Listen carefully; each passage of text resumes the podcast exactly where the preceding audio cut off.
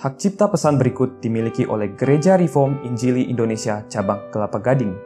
Duplikasi, distribusi, atau penggunaan semua atau sebagian pesan dilarang tanpa persetujuan tertulis. Jikalau ada pertanyaan, silakan kirim ke email grikelapa@gmail.com. Untuk informasi yang lain, kunjungi website Gereja GRI Kelapa Gading di www.grii-kelapagading.org.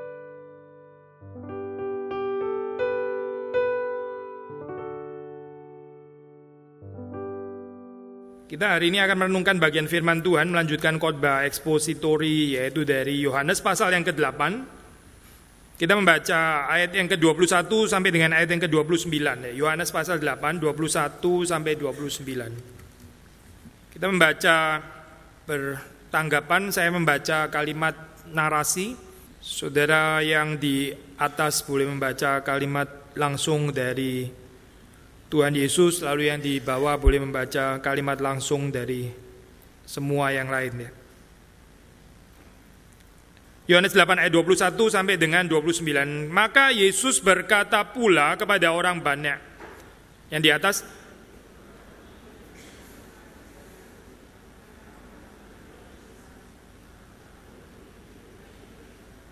Maka kata orang-orang Yahudi itu yang di bawah,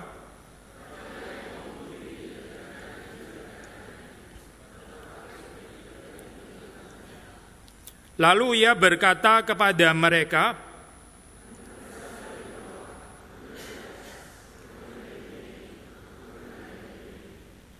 Karena itu tadi aku berkata kepada bahwa kamu akan mati dalam dosa. Sebab jikalau kamu tidak percaya, maka kata mereka kepadanya, jawab Yesus kepada mereka,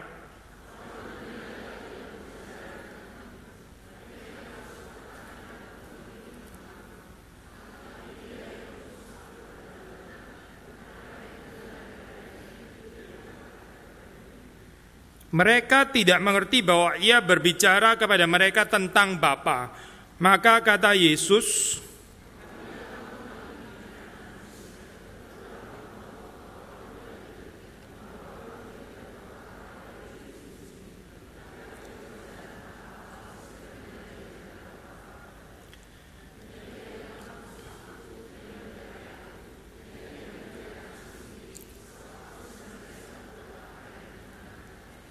kita minta pertolongan Tuhan, kita minta kehadiran Tuhan. Sudah berdoa untuk diri sendiri, untuk orang di kanan kiri, di depan, di belakang saudara sudah mendoakan saya. Mari kita buka suara.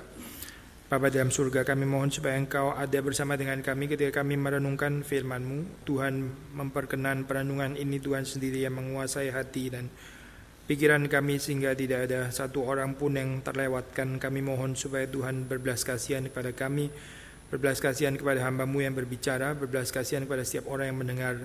Dan sekali lagi firmanmu yang berkuasa itu boleh menyelamatkan kami, menguduskan kami, membawa kami ke dalam kehidupan semakin ditambahkan cinta kasih kami kepada Tuhan. Terima kasih Tuhan kami mengundang Engkau bekerja dengan luasa di tengah-tengah kami. Demi Yesus Kristus kami berdoa. Amin. So kalau sudah membandingkan di dalam terjemahan LAI di sini diberikan satu judul lagi ya yaitu Yesus bukan dari dunia ini. Tapi kalau sudah bandingkan misalnya dengan terjemahan salah satu terjemahan Inggris, ESV misalnya di situ dianggap satu perikop besar, meskipun betul juga 21 seperti kayak ada sub perikop ya. Maksudnya diberikan judul yang sama, ini masih under Yesus adalah terang dunia, I am the light of the world. Either way, so ya, either di dalam variasi LAI yang menganggap ini satu perikop yang baru dengan penekanan yang baru, Yesus yang bukan dari dunia ini yang dari atas. Atau kita membaca ini sebagai bagian besar daripada seluruhnya saya pikir dua-dua ada ada poinnya gitu. Meskipun kita membaca berdasarkan perspektif LAI di sini ya penekanan Yesus yang bukan dari dunia ini itu tetap nggak bisa dipisahkan dengan konsep atau perkenalan Yesus penyataan Yesus sebagai terang dunia, I am the light of the world. Nggak bisa dipisahkan perikop ini pasti, apalagi ini perikop yang sangat dekat ya. Nah kalau sudah melihat di dalam ayat yang ke-21 di situ ada peningkatan ya, ada ada gambaran yang lebih intens di situ waktu Yesus mengatakan kalimat aku akan pergi dan kamu akan mencari aku tetapi kamu akan mati dalam dosamu. Ke tempat aku pergi tidak mungkin kamu datang. Ada kalimat peringatan saya di sini ya yang lebih jelas gitu ya, lebih keras banget daripada orang-orang atau kepada orang-orang yang mendengar dari Yesus Kristus Waktu di sini dikatakan aku akan pergi, ya. di sini sebenarnya juga sudah mengatakan menyatakan bahwa apa yang akan diberitakan kemudian itu Yesus bukan dari bawah, bukan dari dunia ini, tapi dia berasal dari atas. Dia datang dan dia akan pergi. Dia datang dari Bapa, dia akan kembali kepada Bapa. Waktu di sini dia kata aku akan pergi, ini pengertiannya bukan di dalam pengertian dunia yang kelihatan, pergi dari sini kepada tempat yang lain ya. Ntar toh bisa ya, pergi ke mana sih? Orang di apalagi di Israel mau lu mau ke mana sih? Kita bisa kejar. Atau pergi ke tempat lain ke Yunani kali. Mau terkenal secara internasional seperti kita pernah bahas waktu itu ya. Tapi waktu Yesus di sini mengatakan aku akan pergi ya, dia menyatakan bahwa dia tidak akan selama-lamanya berserta atau bersama dengan mereka. Inkarnasi itu satu cerita yang terbatas ya. Yesus berada di dalam dunia. Ini cuma tiga tahun tiga tahun setengah itu gitu bukan selama lamanya gitu. kita adalah menghayati bagian ini sih bagi kita yang hidup ya kita anyway nggak hidup sejaman dengan Yesus ya apa artinya Yesus akan pergi itu kan di dalam pembacaan mereka ya oke mereka mesti tahu Yesus nggak bersama-sama dengan mereka tapi kita pun nggak pernah sejaman dengan Yesus nggak ada satu menit pun di mana Yesus ada bersama dengan kita gitu ya maksudnya dalam pengertian masa inkarnasi kan kita nggak hidup sejaman dengan Yesus gitu saya pikir sudah kalimat seperti ini ya kita boleh hayati di dalam konteks kita waktu dikatakan di sini aku akan pergi. Firman itu juga nggak akan selama lamanya ada bersama dengan kita ya. Ada saat deh di mana firman itu akan pergi. Nggak selama lamanya orang akan ada kesempatan untuk mendengarkan firman deh. Apalagi mereka yang tidak percaya, mereka yang menolak, mereka yang mengabaikan dan seterusnya dan seterusnya. Sama seperti Yesus yang tidak selama-lamanya berada dalam dunia, ya firman itu tidak akan selama-lamanya datang mengunjungi kita terus dengan setia mengetok pintu ya tunggu terus sampai kapan pun kita akan menerima firman itu baru firman itu akan masuk gambarannya pasti bukan seperti itu saya apalagi kita menekankan di dalam prinsip teologi reform ini ada pada kedaulatan Allah ya bukan pada kedaulatan manusia Aku akan pergi dan kamu akan mencari aku. Calvin mengatakan tentu kita harus membaca kalimat ini mencari aku bukan dalam pengertian mencari Tuhan atau mencari Yesus di dalam kesungguhan hati ya karena kalau mencari seperti itu ya nggak akan mati di dalam dosanya ya. Ini mencari aku, kamu akan mencari aku, mencari terlambat deh, sudah terlambat. Mereka akan mencari Yesus tapi terlambat. Sudah nggak ada lagi kesempatan untuk mendengar firman, untuk bertobat. Nggak ada lagi anugerah. Akan mencari aku, mencari kebenaran, mencari firman, mencari Kristus. Tapi sudah terlambat. Nggak ada lagi pertolongan. Atau saya kalau kita nggak mau baca dari perspektif waktu, meaning kairosnya salah atau kairosnya sudah nggak ada lagi, saatnya sudah bergeser. Kita juga bisa menambahkan dari perspektif mungkin juga nggak betul-betul mencari dengan motivasi yang betul. Secara fenomena kelihatan seperti mencari Tuhan tapi sebetulnya mungkin bukan mencari Tuhan. Seperti orang ada yang mencari Tuhan waktu di dalam kehidupannya mulai ada masalah mulai ada persoalan dia mulai mencari Tuhan. Mungkin saya orang itu betul-betul mencari Tuhan. Mungkin saja mungkin. Saya bukan mengatakan omong kosong lah orang kayak begitu. Kita nggak tahu ada kemungkinan dia mencari Tuhan tapi saya percaya tidak sedikit di dalam saat-saat seperti itu orang kejepit baru berdoa, baru dekat kepada Tuhan. Mungkin juga bukan cari Tuhan sih. Mungkin dia cari pertolongan, mungkin dia cari jalan keluar. Mungkin dia cari solusi supaya dia bisa keluar daripada penderitaannya. Apakah orang seperti itu cari Tuhan? Tanda-tandanya sebetulnya besar ya sih. Orang mencari Tuhan itu dia mencari Tuhan, dia ingin mengenal Tuhan, dia mau mengenal pribadi Tuhan. Dia mau mengetahui kehendak Tuhan, dia mau mengenal kebenaran, lalu dia mau melakukannya di dalam kehidupan. Itu orang yang mencari Tuhan. Saya. Tapi kalau orang yang mencari Tuhan cuma sekedar pakai Tuhan supaya dia bisa keluar daripada keadaannya yang yang menderita, yang terpuruk dan sebagainya. Hmm, apa betul itu cari Tuhan saya? Apakah betul benar-benar cari Tuhan itu? Jadi tanda-tandanya sebetulnya besar. Ya. Tadi kita menyanyi di dalam lagu ketiga, kita bilang tambahlah kasihku akan Tuhan ya. more love to thee. Kita bukan menyanyi tambahlah kasihmu akan aku kan Yesus ya. Karena kasihnya Tuhan kayaknya sudah sempurna nggak perlu ditambah bagaimana. Kalau mau tetap di dalam pengertian arah kasih Tuhan kepada kita yang mungkin yang perlu ditambah adalah kesadaran kita akan kedalaman kasih Tuhan itu yang perlu ditambah. Bukan kasih Tuhan kepada kita yang perlu ditambah. Kayak kasih Tuhan kepada kita sudah sangat cukup bahkan berkelimpahan. Maka lagu ini waktu kita menyanyikan, ini tambahkan kasihku akan Tuhan, more love to thee. Buatlah aku ini semakin mengasihi engkau ya. Saya kalau boleh kaitkan dengan ayat ini, ya inilah saya orang-orang yang betul-betul mencari Tuhan ya. Yang mencari Tuhan akan berdoa supaya dia boleh semakin mengasihi Tuhan. Bukan berdoa supaya bagaimana Tuhan semakin mengasihi dia, semakin mengasihi kanak-kanak ya orang kayak begini nih. Kanak-kanak kalau nggak mau dibilang kanak-kanak jangan-jangan belum percaya dan belum lahir baru lagi saya. Maka waktu Yesus mengatakan kalimat ini, aku akan pergi, kamu mencari aku, saya. kamu akan mencari aku, ya, mencari aku. Tetapi kamu akan mati dalam dosamu. Sudah pasti sekali lagi ya kita mengikuti Calvin ini, ini, ini apa eksegese yang sangat tepat. Kita semua setuju, bukan karena Calvin, tapi memang betul-betul karena kaitan ini ya, mencari aku kok tapi mati di dalam dosa gitu ya. Maka kita mesti mengerti kalimat mencari aku ini enggak betul-betul mencari Tuhan, karena Alkitab mengatakan barang siapa mencari Tuhan dengan sungguh-sungguh Tuhan akan memberikan dirinya untuk ditemui. Tapi di sini mati di dalam dosa berarti ini orang yang bukan betul-betul mencari Tuhan.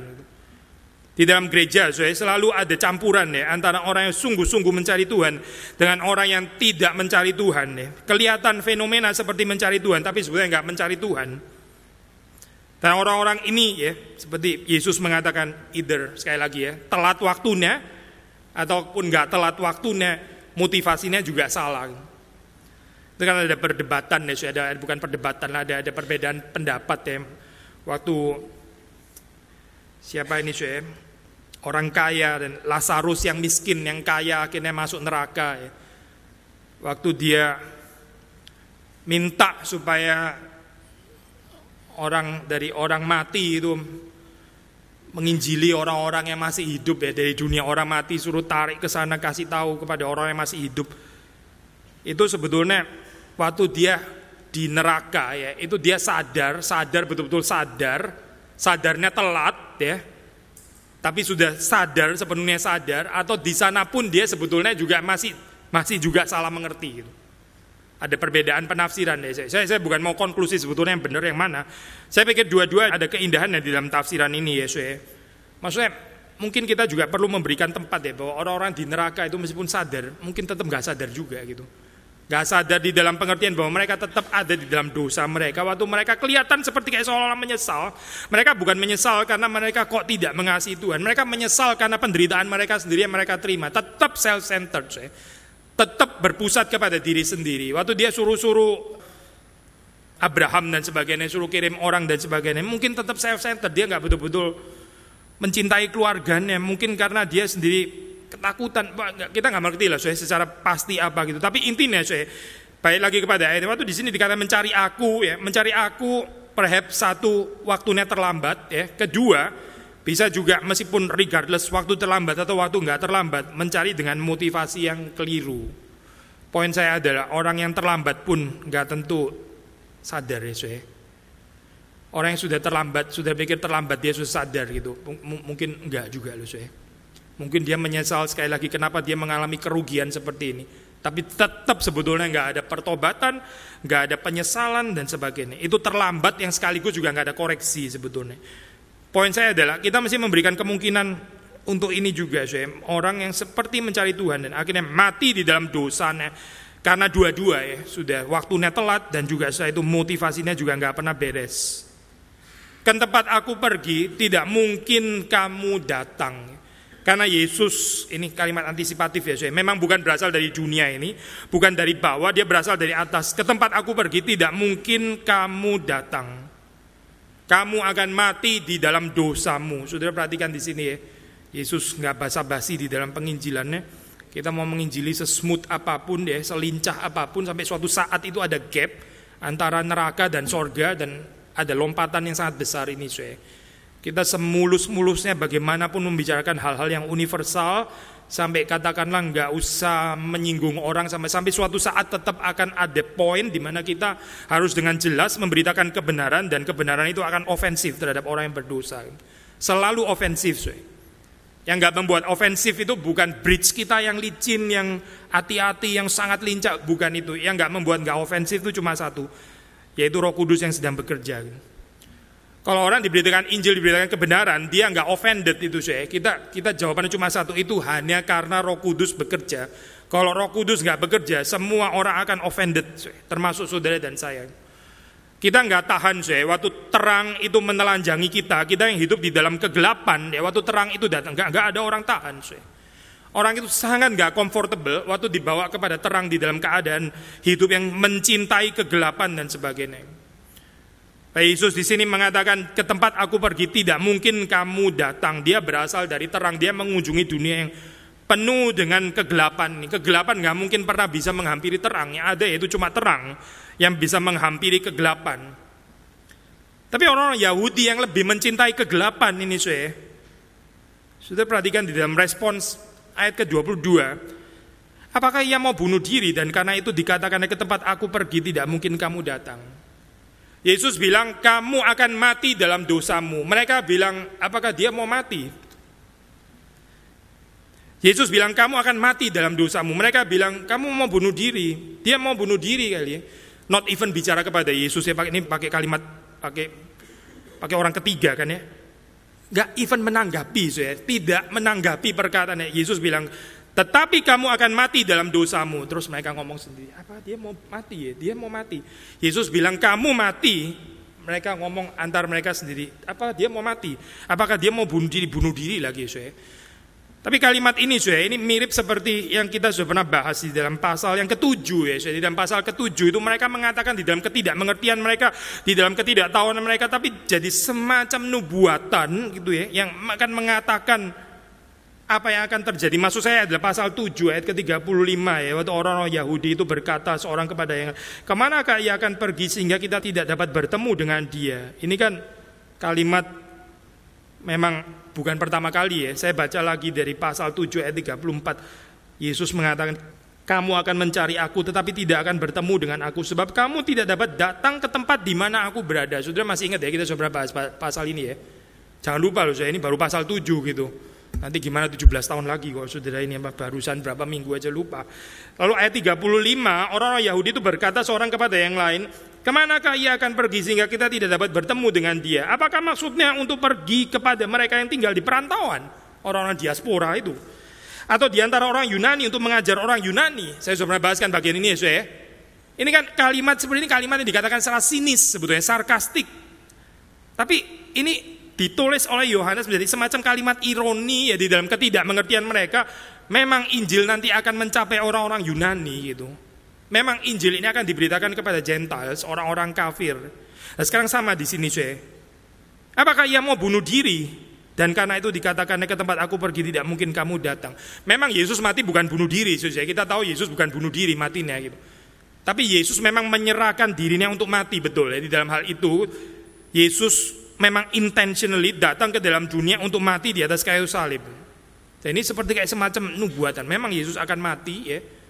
Dan ini pakai pakai motif bunuh diri ini menarik saya kalau sudah membaca di dalam ini ya Pak komentari dan sebagainya itu dikatakan ada konsep di, di dalam Yudaisme ya saya berdasarkan Genesis 9 misalnya dalam konsep Yudaisme lalu ada perkataan pengajaran para rabi dan sebagainya. Orang yang bunuh diri itu dianggap dia di dalam kepercayaan mereka. Mereka itu pergi ke the darkest Hades. Orang yang bunuh diri itu akan akan pergi kepada Hades dunia orang mati yang paling gelap. Apakah dia mau bunuh diri? Dan karena itu dikatakan ke tempat aku pergi tidak mungkin kamu datang. Terbalik kali ya siapa yang di dalam kegelapan di sini Orang bunuh diri pergi ke the darkest Hades gitu ya. Yesus adalah terang dunia. Memang Yesus akan mati betul. Dia menyerahkan nyawanya untuk kita ya. Bagi kita yang percaya kematian itu adalah kehidupan bagi kita. Tapi waktu mereka mengatakan dia bunuh diri dia akan tenggelam di dalam dunia orang mati bagian yang paling gelap. Jangan lupa saya Yesus itu terang dunia. Mereka yang berada di dalam kegelapan Mereka menolak pembicaraan tentang Kristus. Suatu orang berjumpa dengan Kristus, ya Kristus akan membicarakan tentang kehidupan kita. Kamu akan mati dalam dosamu. Tapi kita orang berdosa, kita nggak suka saya dengar kalimat frontal kayak begini kita nggak suka. Akhirnya kita diskusi sendiri. Jadi dia bilang dia mau mati. Kayak salah dengar kayak saya. Dia mau bunuh diri. Yesus bilang kamu akan mati dalam dosamu. Tapi mereka mengelak. Mereka nggak suka dengan pembicaraan firman Tuhan yang frontal seperti itu yang menyelidiki hati manusia. Mereka nggak suka. Jadi mereka berbicara di bolak-balik. Akhirnya sekarang Yesus membicarakan mereka, tapi mereka sendiri seperti kayak membicarakan Yesus. Jadi dia mau bunuh diri kali ya, sampai kita nggak bisa datang kepadanya. Jangan-jangan dia mau bunuh diri. Tapi Yesus kemudian menjawab, kamu berasal dari bawah, aku dari atas, kamu dari dunia, aku bukan dari dunia ini. Ya orang yang dari dunia ini sudah bisa bunuh diri dan setelah bunuh diri dia masuk ke dalam darkest Hades itu ya. Tapi bukan orang yang dari atas, bukan yang dari atas seperti Yesus. Yesus berasal dari atas, bukan dari dunia ini. Yesus tidak akan terikat oleh darkest Hades itu, tidak gitu. Dia adalah terang dunia, dia berasal dari atas. Kamu dari bawah. Jadi jangan pikir Yesus bunuh diri terus kemudian dia akan tinggal di dalam underworld, dunia bawah, lebih bawah lagi daripada dunia ini, benar-benar underworld, dunia bawah, ya saya tempat kematian itu Yesus mengatakan bukan saja dia bukan dia bukan saja dia akan tetap di sana, memang Yesus akan betul-betul mati. Tapi Yesus mengatakan aku berasal dari atas, dunia bawah itu nggak mungkin bisa mengikat Yesus. Sekali lagi saya, dunia bawah itu nggak mungkin pernah akan bisa mengikat Yesus. Kamu berasal dari bawah, aku dari atas, kamu dari dunia ini, aku bukan dari dunia ini. Karena itu tadi aku berkata kepadamu bahwa kamu akan mati dalam dosamu. Sebab jikalau kamu tidak percaya bahwa akulah dia, kamu akan mati dalam dosamu. Tiga kali ya saya. Kamu akan mati dalam dosamu, kamu akan mati dalam dosamu, kamu akan mati dalam dosamu. Jadi gini saya patternnya ya. Yesus bicara kepada mereka. Memang bicaranya kalau komplit, aku akan pergi dan kamu akan mencari aku, tetapi kamu akan mati dalam dosamu. Ke tempat aku pergi tidak mungkin kamu datang. Tapi kalau saya boleh emphasize, menekankan kalimat itu ya. Yesus bilang, kamu akan mati dalam dosamu. Yesus bilang, kamu akan mati dalam dosamu. Mereka ngomong antar mereka sendiri, dia akan mati, dia mau bunuh diri. Jadi Yesus membicarakan tentang mereka, keadaan mereka. Mereka seperti membicarakan tentang keadaan Yesus dibalik lagi. Karena Yesus mau mati, Yesus mau bunuh diri. Yesus mengulang lagi, kamu akan mati di dalam dosamu. Jikalau kamu tidak percaya bahwa akulah dia. Simple ya, saya. Kita mengajarkan, kecuali seseorang percaya kepada Yesus, dia akan mati di dalam dosanya. Kepercayaan di dalam Yesus Kristus akan menyelamatkan kita supaya kita tidak mati di dalam dosa. Jikalau kamu tidak percaya bahwa Yesuslah dia, kamu akan mati dalam dosamu. Yesus balik lagi ke kalimat itu saya. Ini pembicaraan yang gak enak didengar saya. Kenapa? Karena manusia lebih suka bicara tentang kasih Tuhan ya, kamu disertai Tuhan. Adem, adem saya dengarnya adem gitu ya. Tuhan itu mencintai engkau. Kamu tidak akan pernah ditinggalkan. Tuh adem dengar kayak begini, saya. Kamu akan mati dalam dosamu. Gak mana tahan, saya kalimat kayak begini, saya. Saudara perhatikan deh, perjumpaan yang asli dengan Tuhan yang asli itu ada kalimat-kalimat seperti ini.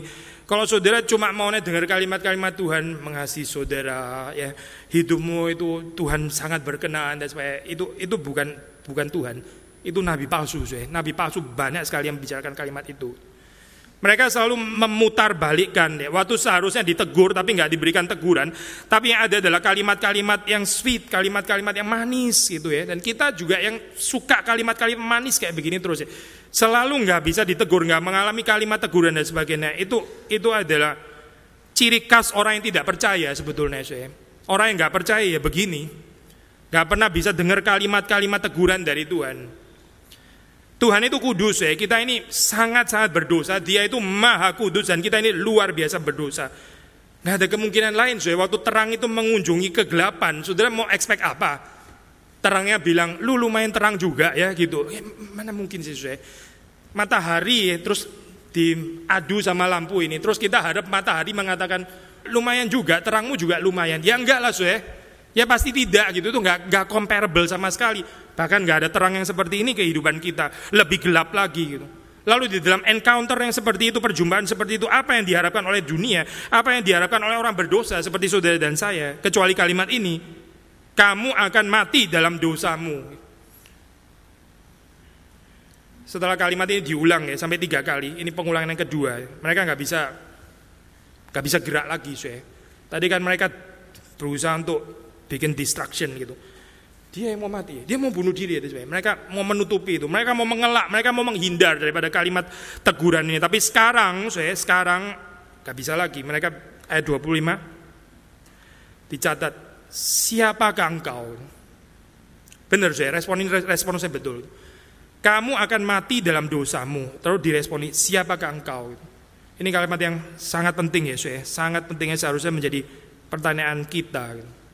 Siapa sih Yesus tuh? Siapa dia yang berani mengatakan kalimat kamu akan mati dalam dosamu? Itu siapa gitu. Bahkan kata tanya siapa itu menurut saya itu itu kata tanya yang paling tepat saya, bukan mengapa gitu ya. Ini bukan tanya tentang alasan gitu. Juga bukan tanya tentang on what ground ya, berdasarkan alasan apa, basisnya apa kamu mengatakan kalimat itu ya, atau kenapa kamu berani mengatakan otoritas siapa kamu mereka tanya itu tepat sekali saya, siapa engkau gitu. Memang kalimat ini sederhana ya, siapakah engkau di dalam kalimat ini nuansanya bisa luar biasa kaya ya, termasuk ketersinggungan, termasuk kejengkelan, termasuk juga mungkin di antara Sebagian juga mau tahu siapa ya orang ini yang berani mengatakan kalimat seperti itu. Siapakah engkau? Ini perjumpaan dengan pribadi Yesus. Sekali lagi kalau saya boleh ulangi ya. Yesus memperkenalkan diri pertama I am the light of the world itu ya, itu perikop sebelumnya. Lalu setelah kita bahas semua nah ini Yesus memperingatkan mereka, kamu akan mati dalam dosamu. Lalu mereka bilang sesama mereka, dia akan mati, dia mau bunuh diri. Yesus ulang lagi, kamu akan mati dalam dosamu. Sekarang mereka nggak bisa mengalah. Mereka mulai jawab, siapa kamu? Siapakah engkau? Nah ini saya perjumpaan kayak begini ya. Waktu manusia nggak bisa mengelak terhadap firman Tuhan terus berdiri di hadapan Tuhan. Siapa engkau? Ini kalimatnya Paulus ya saya. Waktu encounter dengan Yesus. Siapa engkau? Kalimat yang sama kan saya. Siapakah engkau? Gitu. Ini boleh masuk kepada pengenalan pribadi di sini. Siapakah engkau? Kalimat ini seharusnya kita tanya saya, lebih daripada semua pertanyaan yang lain. Lebih daripada pertanyaan kapan saya keluar dari penderitaan saya, kapan saya ditolong, kapan saya sehat kembali, kapan saya mulai bisa sukses. Itu kalimat gak penting sama sekali dibanding dengan kalimat ini saya. Siapakah engkau? Siapakah engkau? Lalu terus kemudian Yesus menjawab, nah ini bahasa Indonesia terjemahannya menarik. Saya nggak tahu ya, saya, saya belum pelajari. Mungkin saya masih pelajarin lagi. Apakah ini variasi teks varian teks yang lain yang digunakan di dalam terjemahan bahasa Indonesia gitu, maksudnya pakai manuskrip yang lain. Karena kalau kita bandingkan dengan bahasa Inggris, saya tadi cek di Bible Works, Bible Works di dalam bahasa asli yang saya punya versinya lebih dekat dengan terjemahan bahasa Inggris. Yaitu jawaban Yesus ini mengatakan, apakah gunanya lagi aku berbicara dengan kamu? Lain ya, sesuai dengan jawaban yang ada di dalam bahasa asli yang saya baca dan juga terjemahan bahasa Inggris. Saya baca bahasa Inggris ya. Jawaban Yesus waktu mereka tanya, "Who are you?" Siapakah engkau? Yesus menjawab, "Just what I have been telling you from the beginning." Seperti yang sudah kukatakan kepadamu dari mulanya. Kamu kan tanya siapa aku gitu ya. Saya sudah kasih tahu siapa saya. The bread of life, the light of the world, Nanti terus kemudian the good shepherd, I am the door dan sebagainya. I am, I am, I am, I am. Ego emi sampai tujuh kali. Sekarang mereka tanya, siapakah engkau? Gitu. Ya kan sudah ngomong kan saya, sudah dikasih tahu Yesus itu siapa sebetulnya. Just apa saya di dalam bahasa Inggris seperti yang sudah kukatakan kepadamu dari dari beginning ten archen di dalam bahasa aslinya dari beginning sudah ngomong kalimat itu dan kamu masih tanya siapakah engkau gitu. Berarti apa sih? Berarti mereka nggak dengar firman Tuhan sih. Berarti mereka dengar lewat, dengar lewat, dengar lewat. Berarti ini nggak benar-benar mengerti mereka firman Tuhan. Sudah ngomong bola balik tetap nggak mengerti. Nah ini bahasa Indonesia ini terjemahannya menarik. So ini terjemahan Schleiermacherian apa saya berusaha untuk menyoroti psikologinya Yesus ya. Ini terjemahan yang berani luar biasa. Apa gunanya lagi aku berbicara dengan kamu ini masuk ke dalam apa ini kesesekannya Yesus gitu ya. Sudah kasih tahu berulang-ulang masih nggak ngerti apa gunanya lu mau kasih tahu lagi gitu ya. What use? Apa gunanya saya kasih tahu kan sudah kalau kalau bahasa Inggris ngomongnya seperti yang sudah kukatakan kepadamu gitu ya. Kita nggak ngomong inilah saya emosinya Yesus. Mungkin sih ada betulnya, mungkin Yesus juga rasa kayaknya ini useless ya ini apa. Orang ini dikasih tahu ulang-ulang kok nggak ngerti-ngerti muter di situ terus tempat yang sama ini mau ngomong lagi gimana? Gak, gak belajar-belajar orang ini gitu ya. Mungkin mungkin saja itu ada. Tapi kita nggak in the position kali ya saya masuk ke dalam apa itu penyelidikan psikologinya Yesus sebetulnya apa gitu. Jadi kayaknya kita pakai versi untuk kali ini ya saya versi terjemahan Inggris sepertinya lebih baik gitu. Lagi pula saya kesulitan saya dengan terjemahan ini ya. Apakah gunanya lagi aku berbicara dengan kamu? Apakah gunanya lagi aku berbicara dengan kamu? Banyak yang harus kukatakan dan kuhakimi tentang kamu akan tetapi dia yang mengutus aku. Lu ngomong banyak juga akhirnya gitu. Katanya apa gunanya?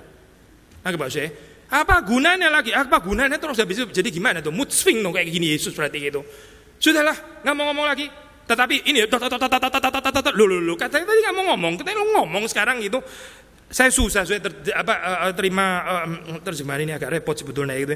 Apa gunanya lagi aku berbicara dengan kamu? Sebenarnya Yesus bukan itu ya, Yesus bilang, saya sudah kasih tahu kamu kan in the beginning, saya sudah kasih tahu gitu.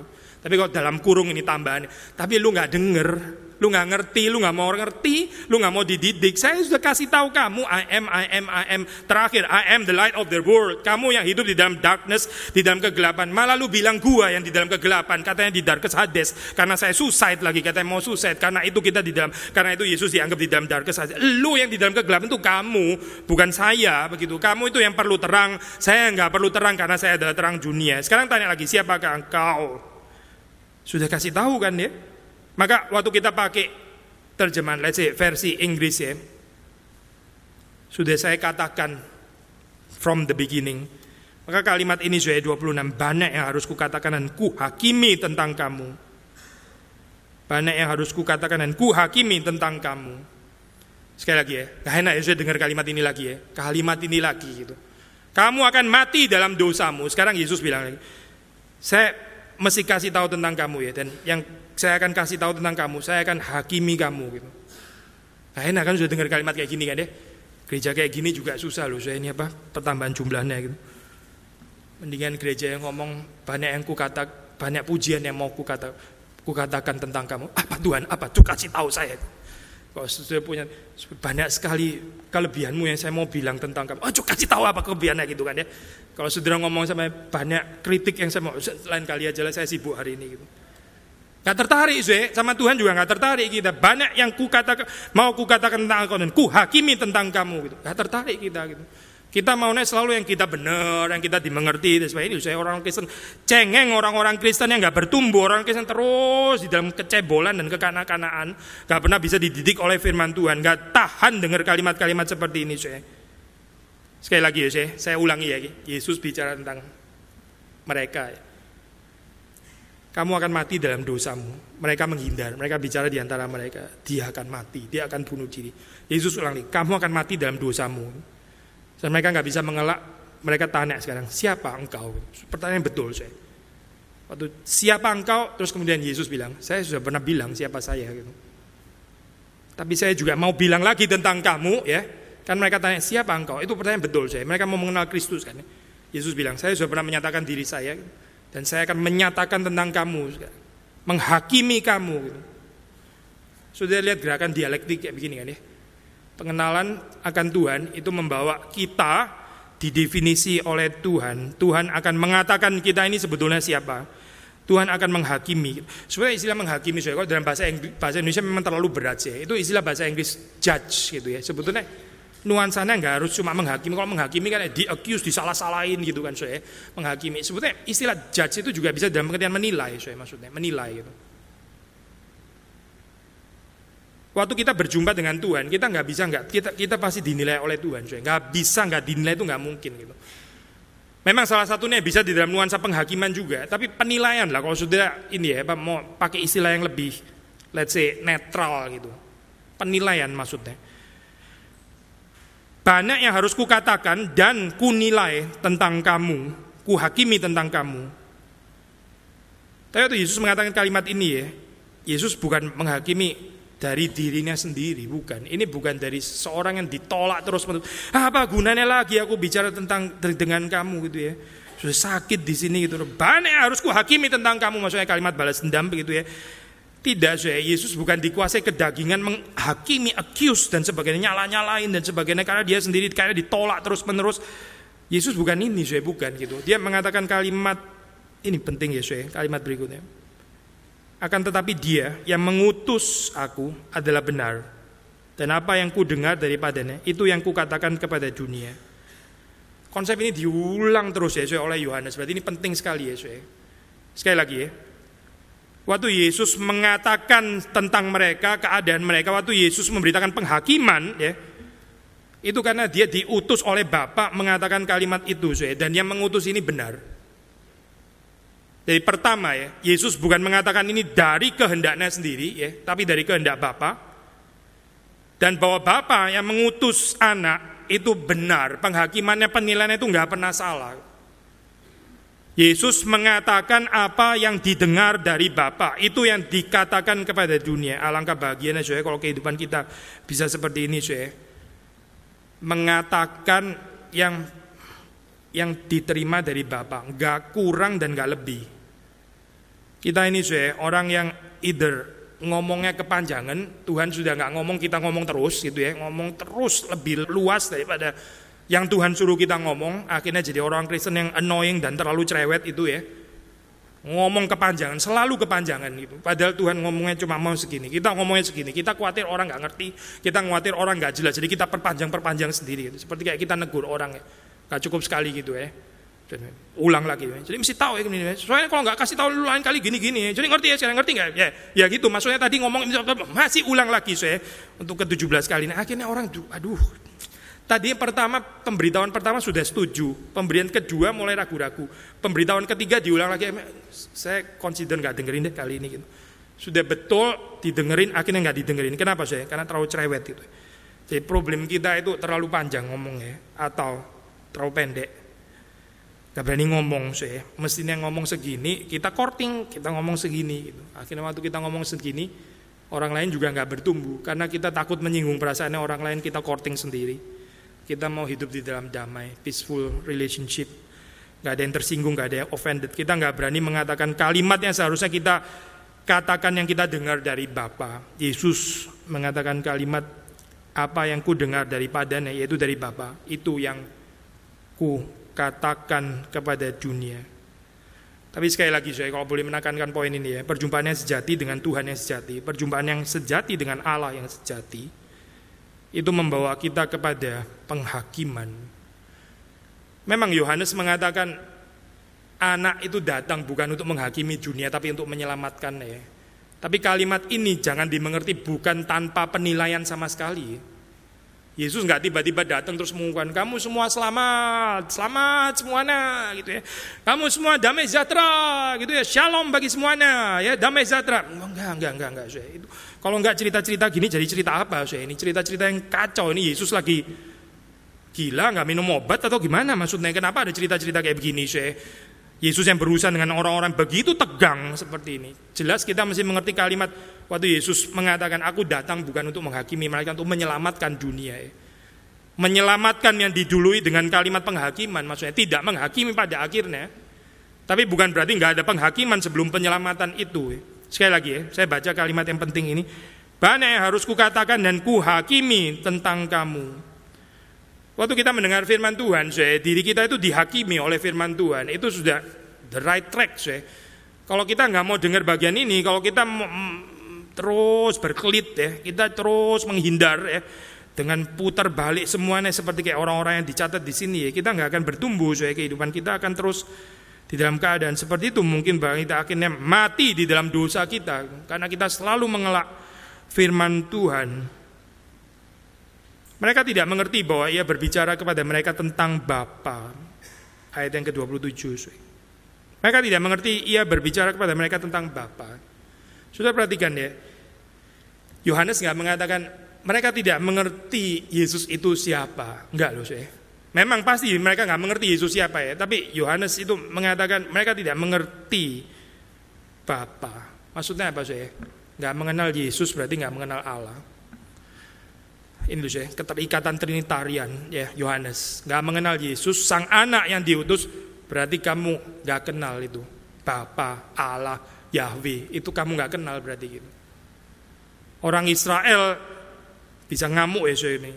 Kita tahu kok Yahweh, kita tahu kok Allah, kita percaya kepada Allah, kita bukan orang ateis, kita menyembah Allah, Yahweh dan sebagainya begitu kan ya. Tapi menurut Yohanes, barang siapa menolak anak ya dia menolak Bapa. Ini satu paket saya nggak bisa nggak bisa sebetulnya orang ini mengenal Bapa, tapi sebetulnya mengenal Allah, tapi sebetulnya ya kurang well informed lah bahwa ternyata punya anak gitu misalnya, no such thing. Mereka yang betul-betul mengenal Bapa, mengenal Allah sebagai Bapa, dia akan menerima anak. Mereka yang tidak menerima anak, mereka menolak Kristus, mereka sebenarnya menolak Allah yang sejati. Kalau menurut bagian ini, mereka tidak mengerti bahwa ia berbicara kepada mereka tentang Bapa. Nah ini makin lama makin reveal deh, saya, kerusakan mereka. Um, saudara membaca ya di dalam Yohanes ya sampai bicara tentang bapakmu itu ya kalau mau bicara bapak your father itu not even Abraham bapakmu itu sebenarnya iblis. Wah kasarnya luar biasa kerasnya luar biasa ya soal kalimat itu. Itu revelation ya Yesus semakin reveal himself Yesus reveal himself mereka juga makin reveal itu kegelapannya makin lama makin reveal mereka pakai istilah-istilah teologi dan sebagainya. Pakai istilah Allah lah pakai pakai pakai Yahweh pakai Abraham pakai Musa dan sebagainya Torah dan sebagainya. Ternyata setelah Yesus membongkar ini terang datang, ini loh, saya kasih tahu ya. Bapakmu yang sesungguhnya itu iblis sebetulnya. Maka sekali lagi saya, ayat yang ke-27, Yohanes ini mulai antisipasi ya. Mereka tidak mengerti. Yesus berbicara kepada mereka tentang Bapa. Lalu Yesus kemudian mengatakan, Apabila kamu telah meninggikan anak manusia, barulah kamu tahu bahwa akulah dia dan bahwa aku tidak berbuat apa-apa dari diriku sendiri, tapi aku berbicara tentang hal-hal sebagaimana diajarkan Bapa kepadaku. Apabila kamu telah meninggikan anak manusia, double meaning ya saya. Kalau sudah dalam, di dalam teologi, profil teologi Yohanes itu anak manusia ditinggikan itu maksudnya apa saya? Maksudnya waktu dia disalib itu. Humiliation itu at the same time itu glorification di dalam konsep Yohanes ya. Ini agak sedikit berbeda dengan teologi Lukas ya.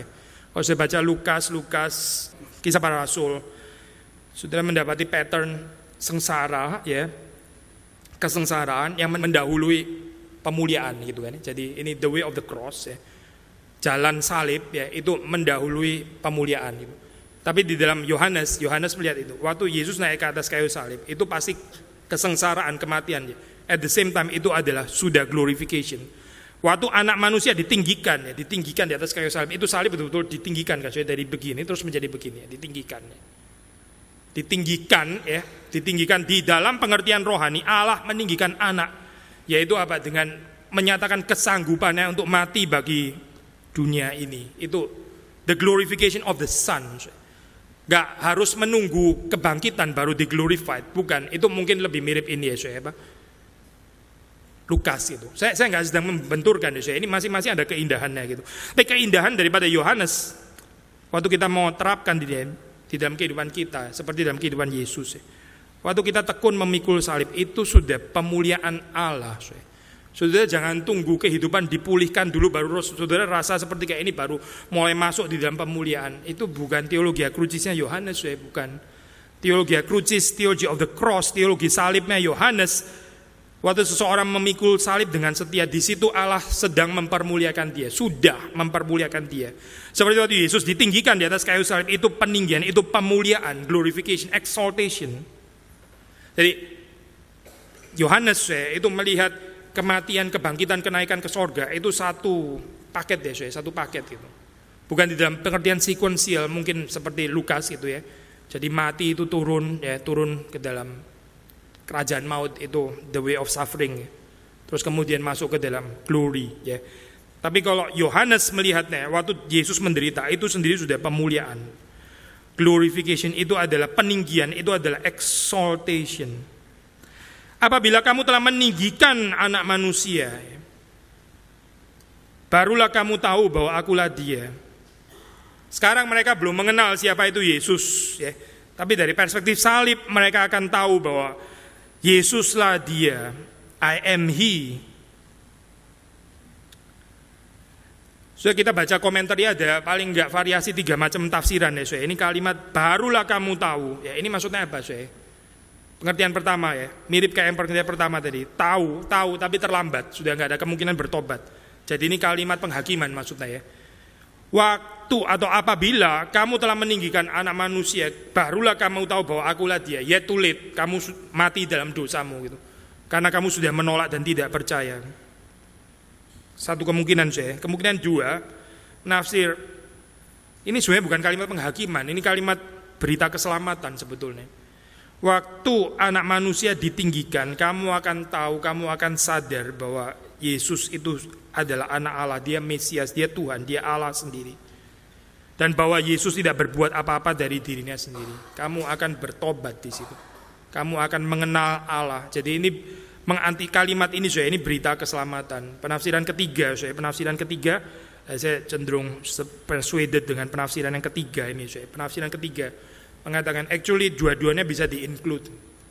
Ini kalimat yang bisa punya nuansa penghakiman sekaligus juga keselamatan yaitu bagi mereka yang percaya.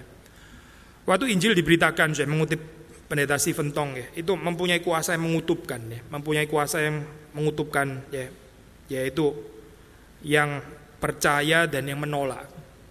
Waktu firman Tuhan diberitakan itu juga punya kuasa yang mengutupkan kuasa yang memisahkan ya.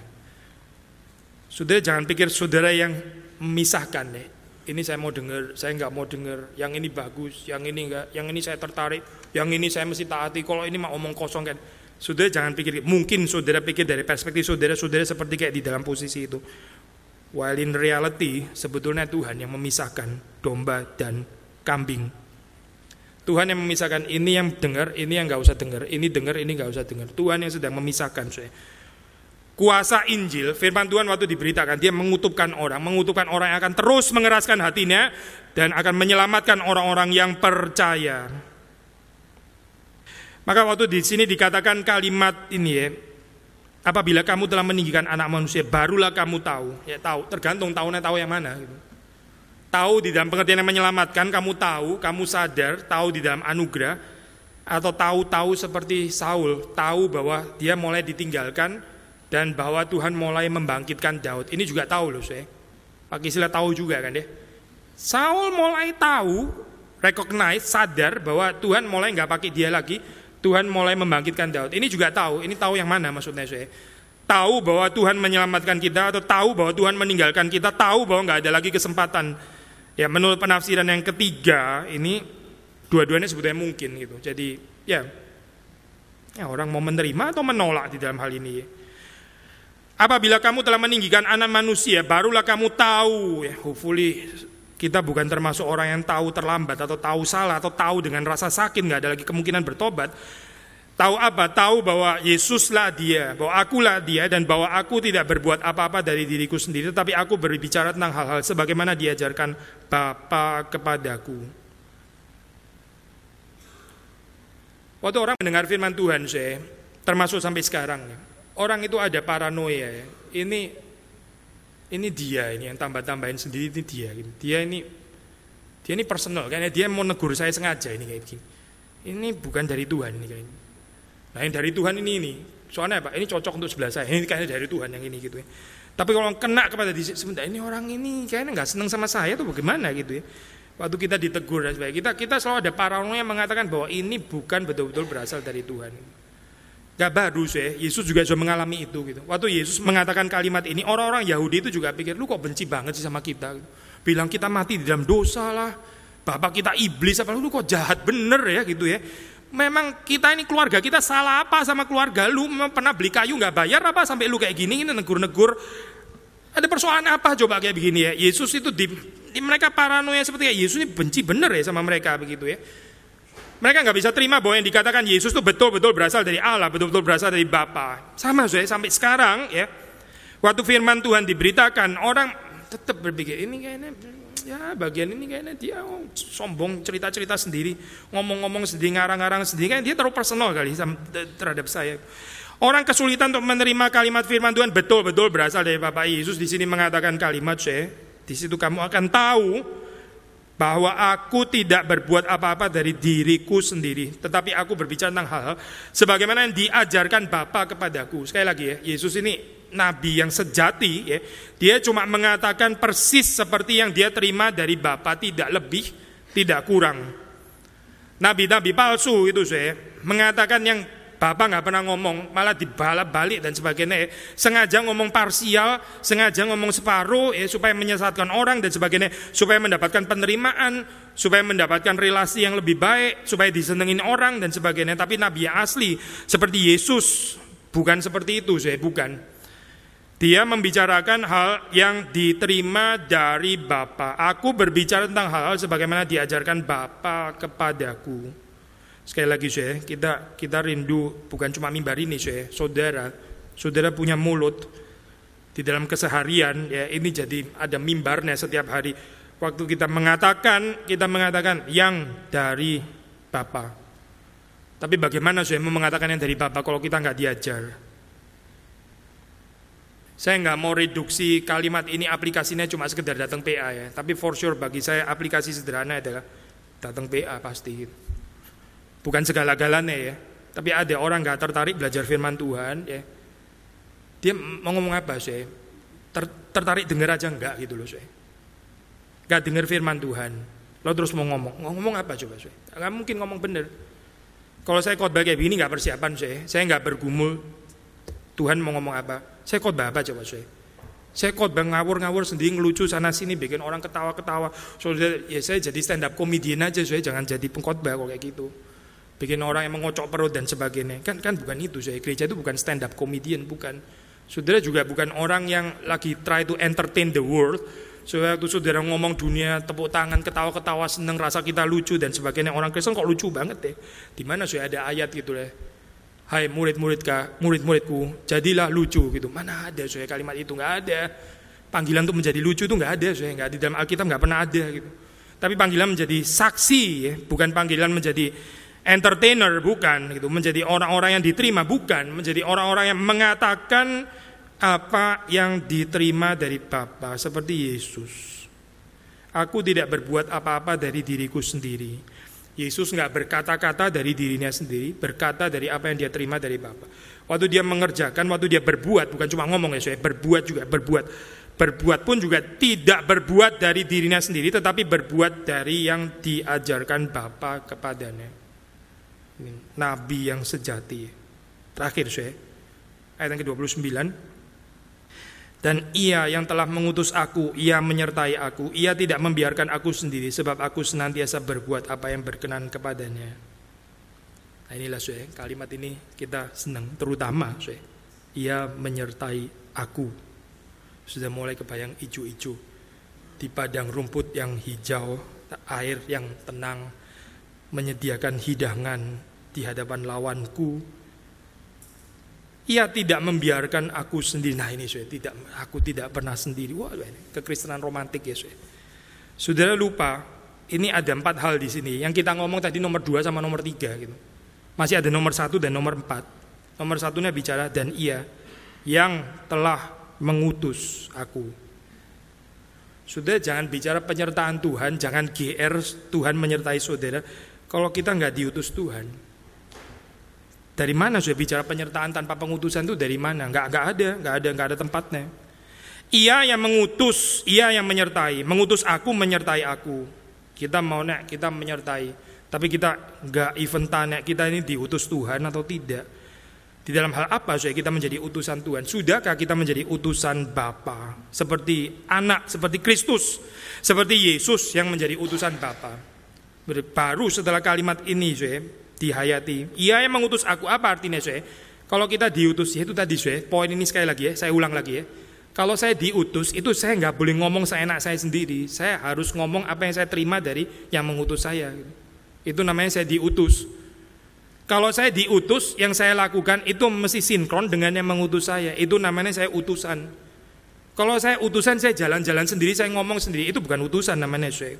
Lalu di dalam keadaan seperti ini, minta Tuhan menyertai. Gak dah saya. Gak diutus, nggak menghayati pengutusan, tapi minta Tuhan menyertai. Gitu. Sudah melihat di sini ya betapa betapa kacaunya kekristenan ya waktu terus menerus bicara penyertaan Tuhan. Aku tidak membiarkan engkau membiarkan aku sendiri. Kita kayak senang gitu janji Tuhan. Tuhan berjanji dia tidak akan membiarkan aku sendiri. Nanti dulu, saya nanti dulu kalimatnya belum selesai. Sebab ya ada sebab di sini.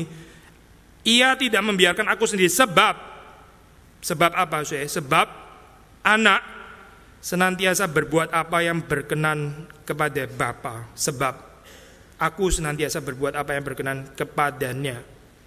Maka Bapa tidak membiarkan aku sendiri. Saudara nggak berhak, saudara dan saya, kita nggak berhak pakai kalimat ini saya. Tuhan tidak membiarkan aku sendiri, tapi kita nggak berbuat apa yang berkenan kepada Tuhan. Itu kalimat munafik, saya luar biasa munafik.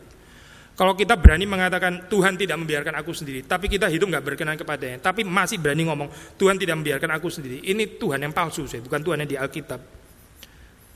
Tapi gereja nggak seneng saya dengan kalimat seperti ini ya. Tuhan gereja maunya itu regardless ya berkenan nggak berkenan, pokoknya Tuhan tidak membiarkan aku sendiri. Regardless gereja melakukan sesuatu yang berkenan nggak berkenan kepada Tuhan, pokoknya Tuhan nggak membiarkan gereja sendiri. Nggak ada ayatnya, saya nggak ada. Kalau sudah baca di dalam Matius 28 juga sama ya. Aku menyertai kamu senantiasa sampai pada akhir zaman. Ada kalimat-kalimat sebelumnya kan saya yaitu apa? Baptiskanlah mereka di dalam namaku, ajarlah mereka semua yang kukatakan kepadamu ya. Baru disambung terakhirnya aku menyertai kamu sampai senantiasa akhir zaman. Ada discipleship, ada penyertaan. Saya. Gak ada discipleship masih ngomong penyertaan. Saya. Penyertaan apa? Saya? Penyertaan versi mana ini? Matius nggak pernah ngomong soal kalimat itu. Matius nggak pernah kamu, kamu menjalankan pemuritan, nggak menjalankan pemuritan. Jemaatmu nggak dimuridkan atau dimuridkan, bertumbuh atau nggak dimurid. Ketahuilah, aku menyertai engkau senantiasa sampai kepada akhir zaman. Mana ayatnya saya nggak ada. Yang ada adalah penyertaan itu dikaitkan dengan discipleship, dengan pemuritan, saya dengan pemuritan. Gak bisa tanpa pemuritan. Kalau kita nggak melakukan pemuritan, kalau kita nggak melakukan yang berkenan kepada Bapa, kita nggak bisa bilang kalimat Tuhan atau Allah atau Bapa tidak membiarkan aku sendiri. Yesus mengatakan kalimat ini for sure bukan cuma dimengerti saya eksklusif pameran tuh lihat aku berani mengatakan ia tidak membiarkan aku sendiri. Lu kan nggak bisa kan ngomong kayak gini kan? Kenapa? Karena saya satu-satunya yang senantiasa berbuat apa yang berkenan kepadanya. Bukan itu spiritnya pasti saya. Waktu Yesus mengatakan kalimat ini dia mengundang, mengundang sama seperti dia yang tidak dibiarkan Bapa sendiri, ya dan itu mungkin mengapa? Karena dia berbuat apa yang berkenan kepada demikian juga gereja, demikian juga murid-murid Kristus seharusnya bisa mengatakan kalimat ini. Ia menyertai aku karena kita berjalan di dalam kuasa utusan Bapa dan ia tidak membiarkan aku sendiri. Mengapa saya? Karena kita berbuat apa yang berkenan kepada Tuhan. Kini Tuhan menolong kita semua. Mari kita masuk di dalam doa.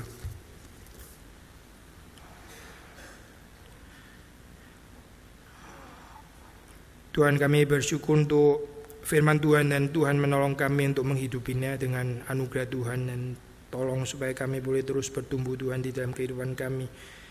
Menjadi semakin dewasa di dalam Tuhan, kami menjadi orang-orang yang menyenangkan Tuhan, yang berjalan di dalam kuasa utusan Tuhan, yang mengatakan apa yang kami terima dari Tuhan, yang melakukan apa yang Tuhan mau kami lakukan kami boleh semakin menghayati fungsi kenabian yang Tuhan beri di dalam kehidupan gerejamu. Kami sebagai komunitas, kami sebagai orang percaya pribadi demi pribadi. Kami berdoa supaya Tuhan mempertumbuhkan kami semua dengan kuasa firman-Mu. Terima kasih Tuhan, kami berdoa supaya Tuhan juga menambahkan jumlah orang-orang yang percaya yang bisa kami layani dengan kekuatan Tuhan beri kepada kami kuasa pengorbanan yang lebih lagi, cinta kasih yang lebih besar kepada Tuhan dan kepada sesama. Demi Yesus Kristus kami berdoa. Amin.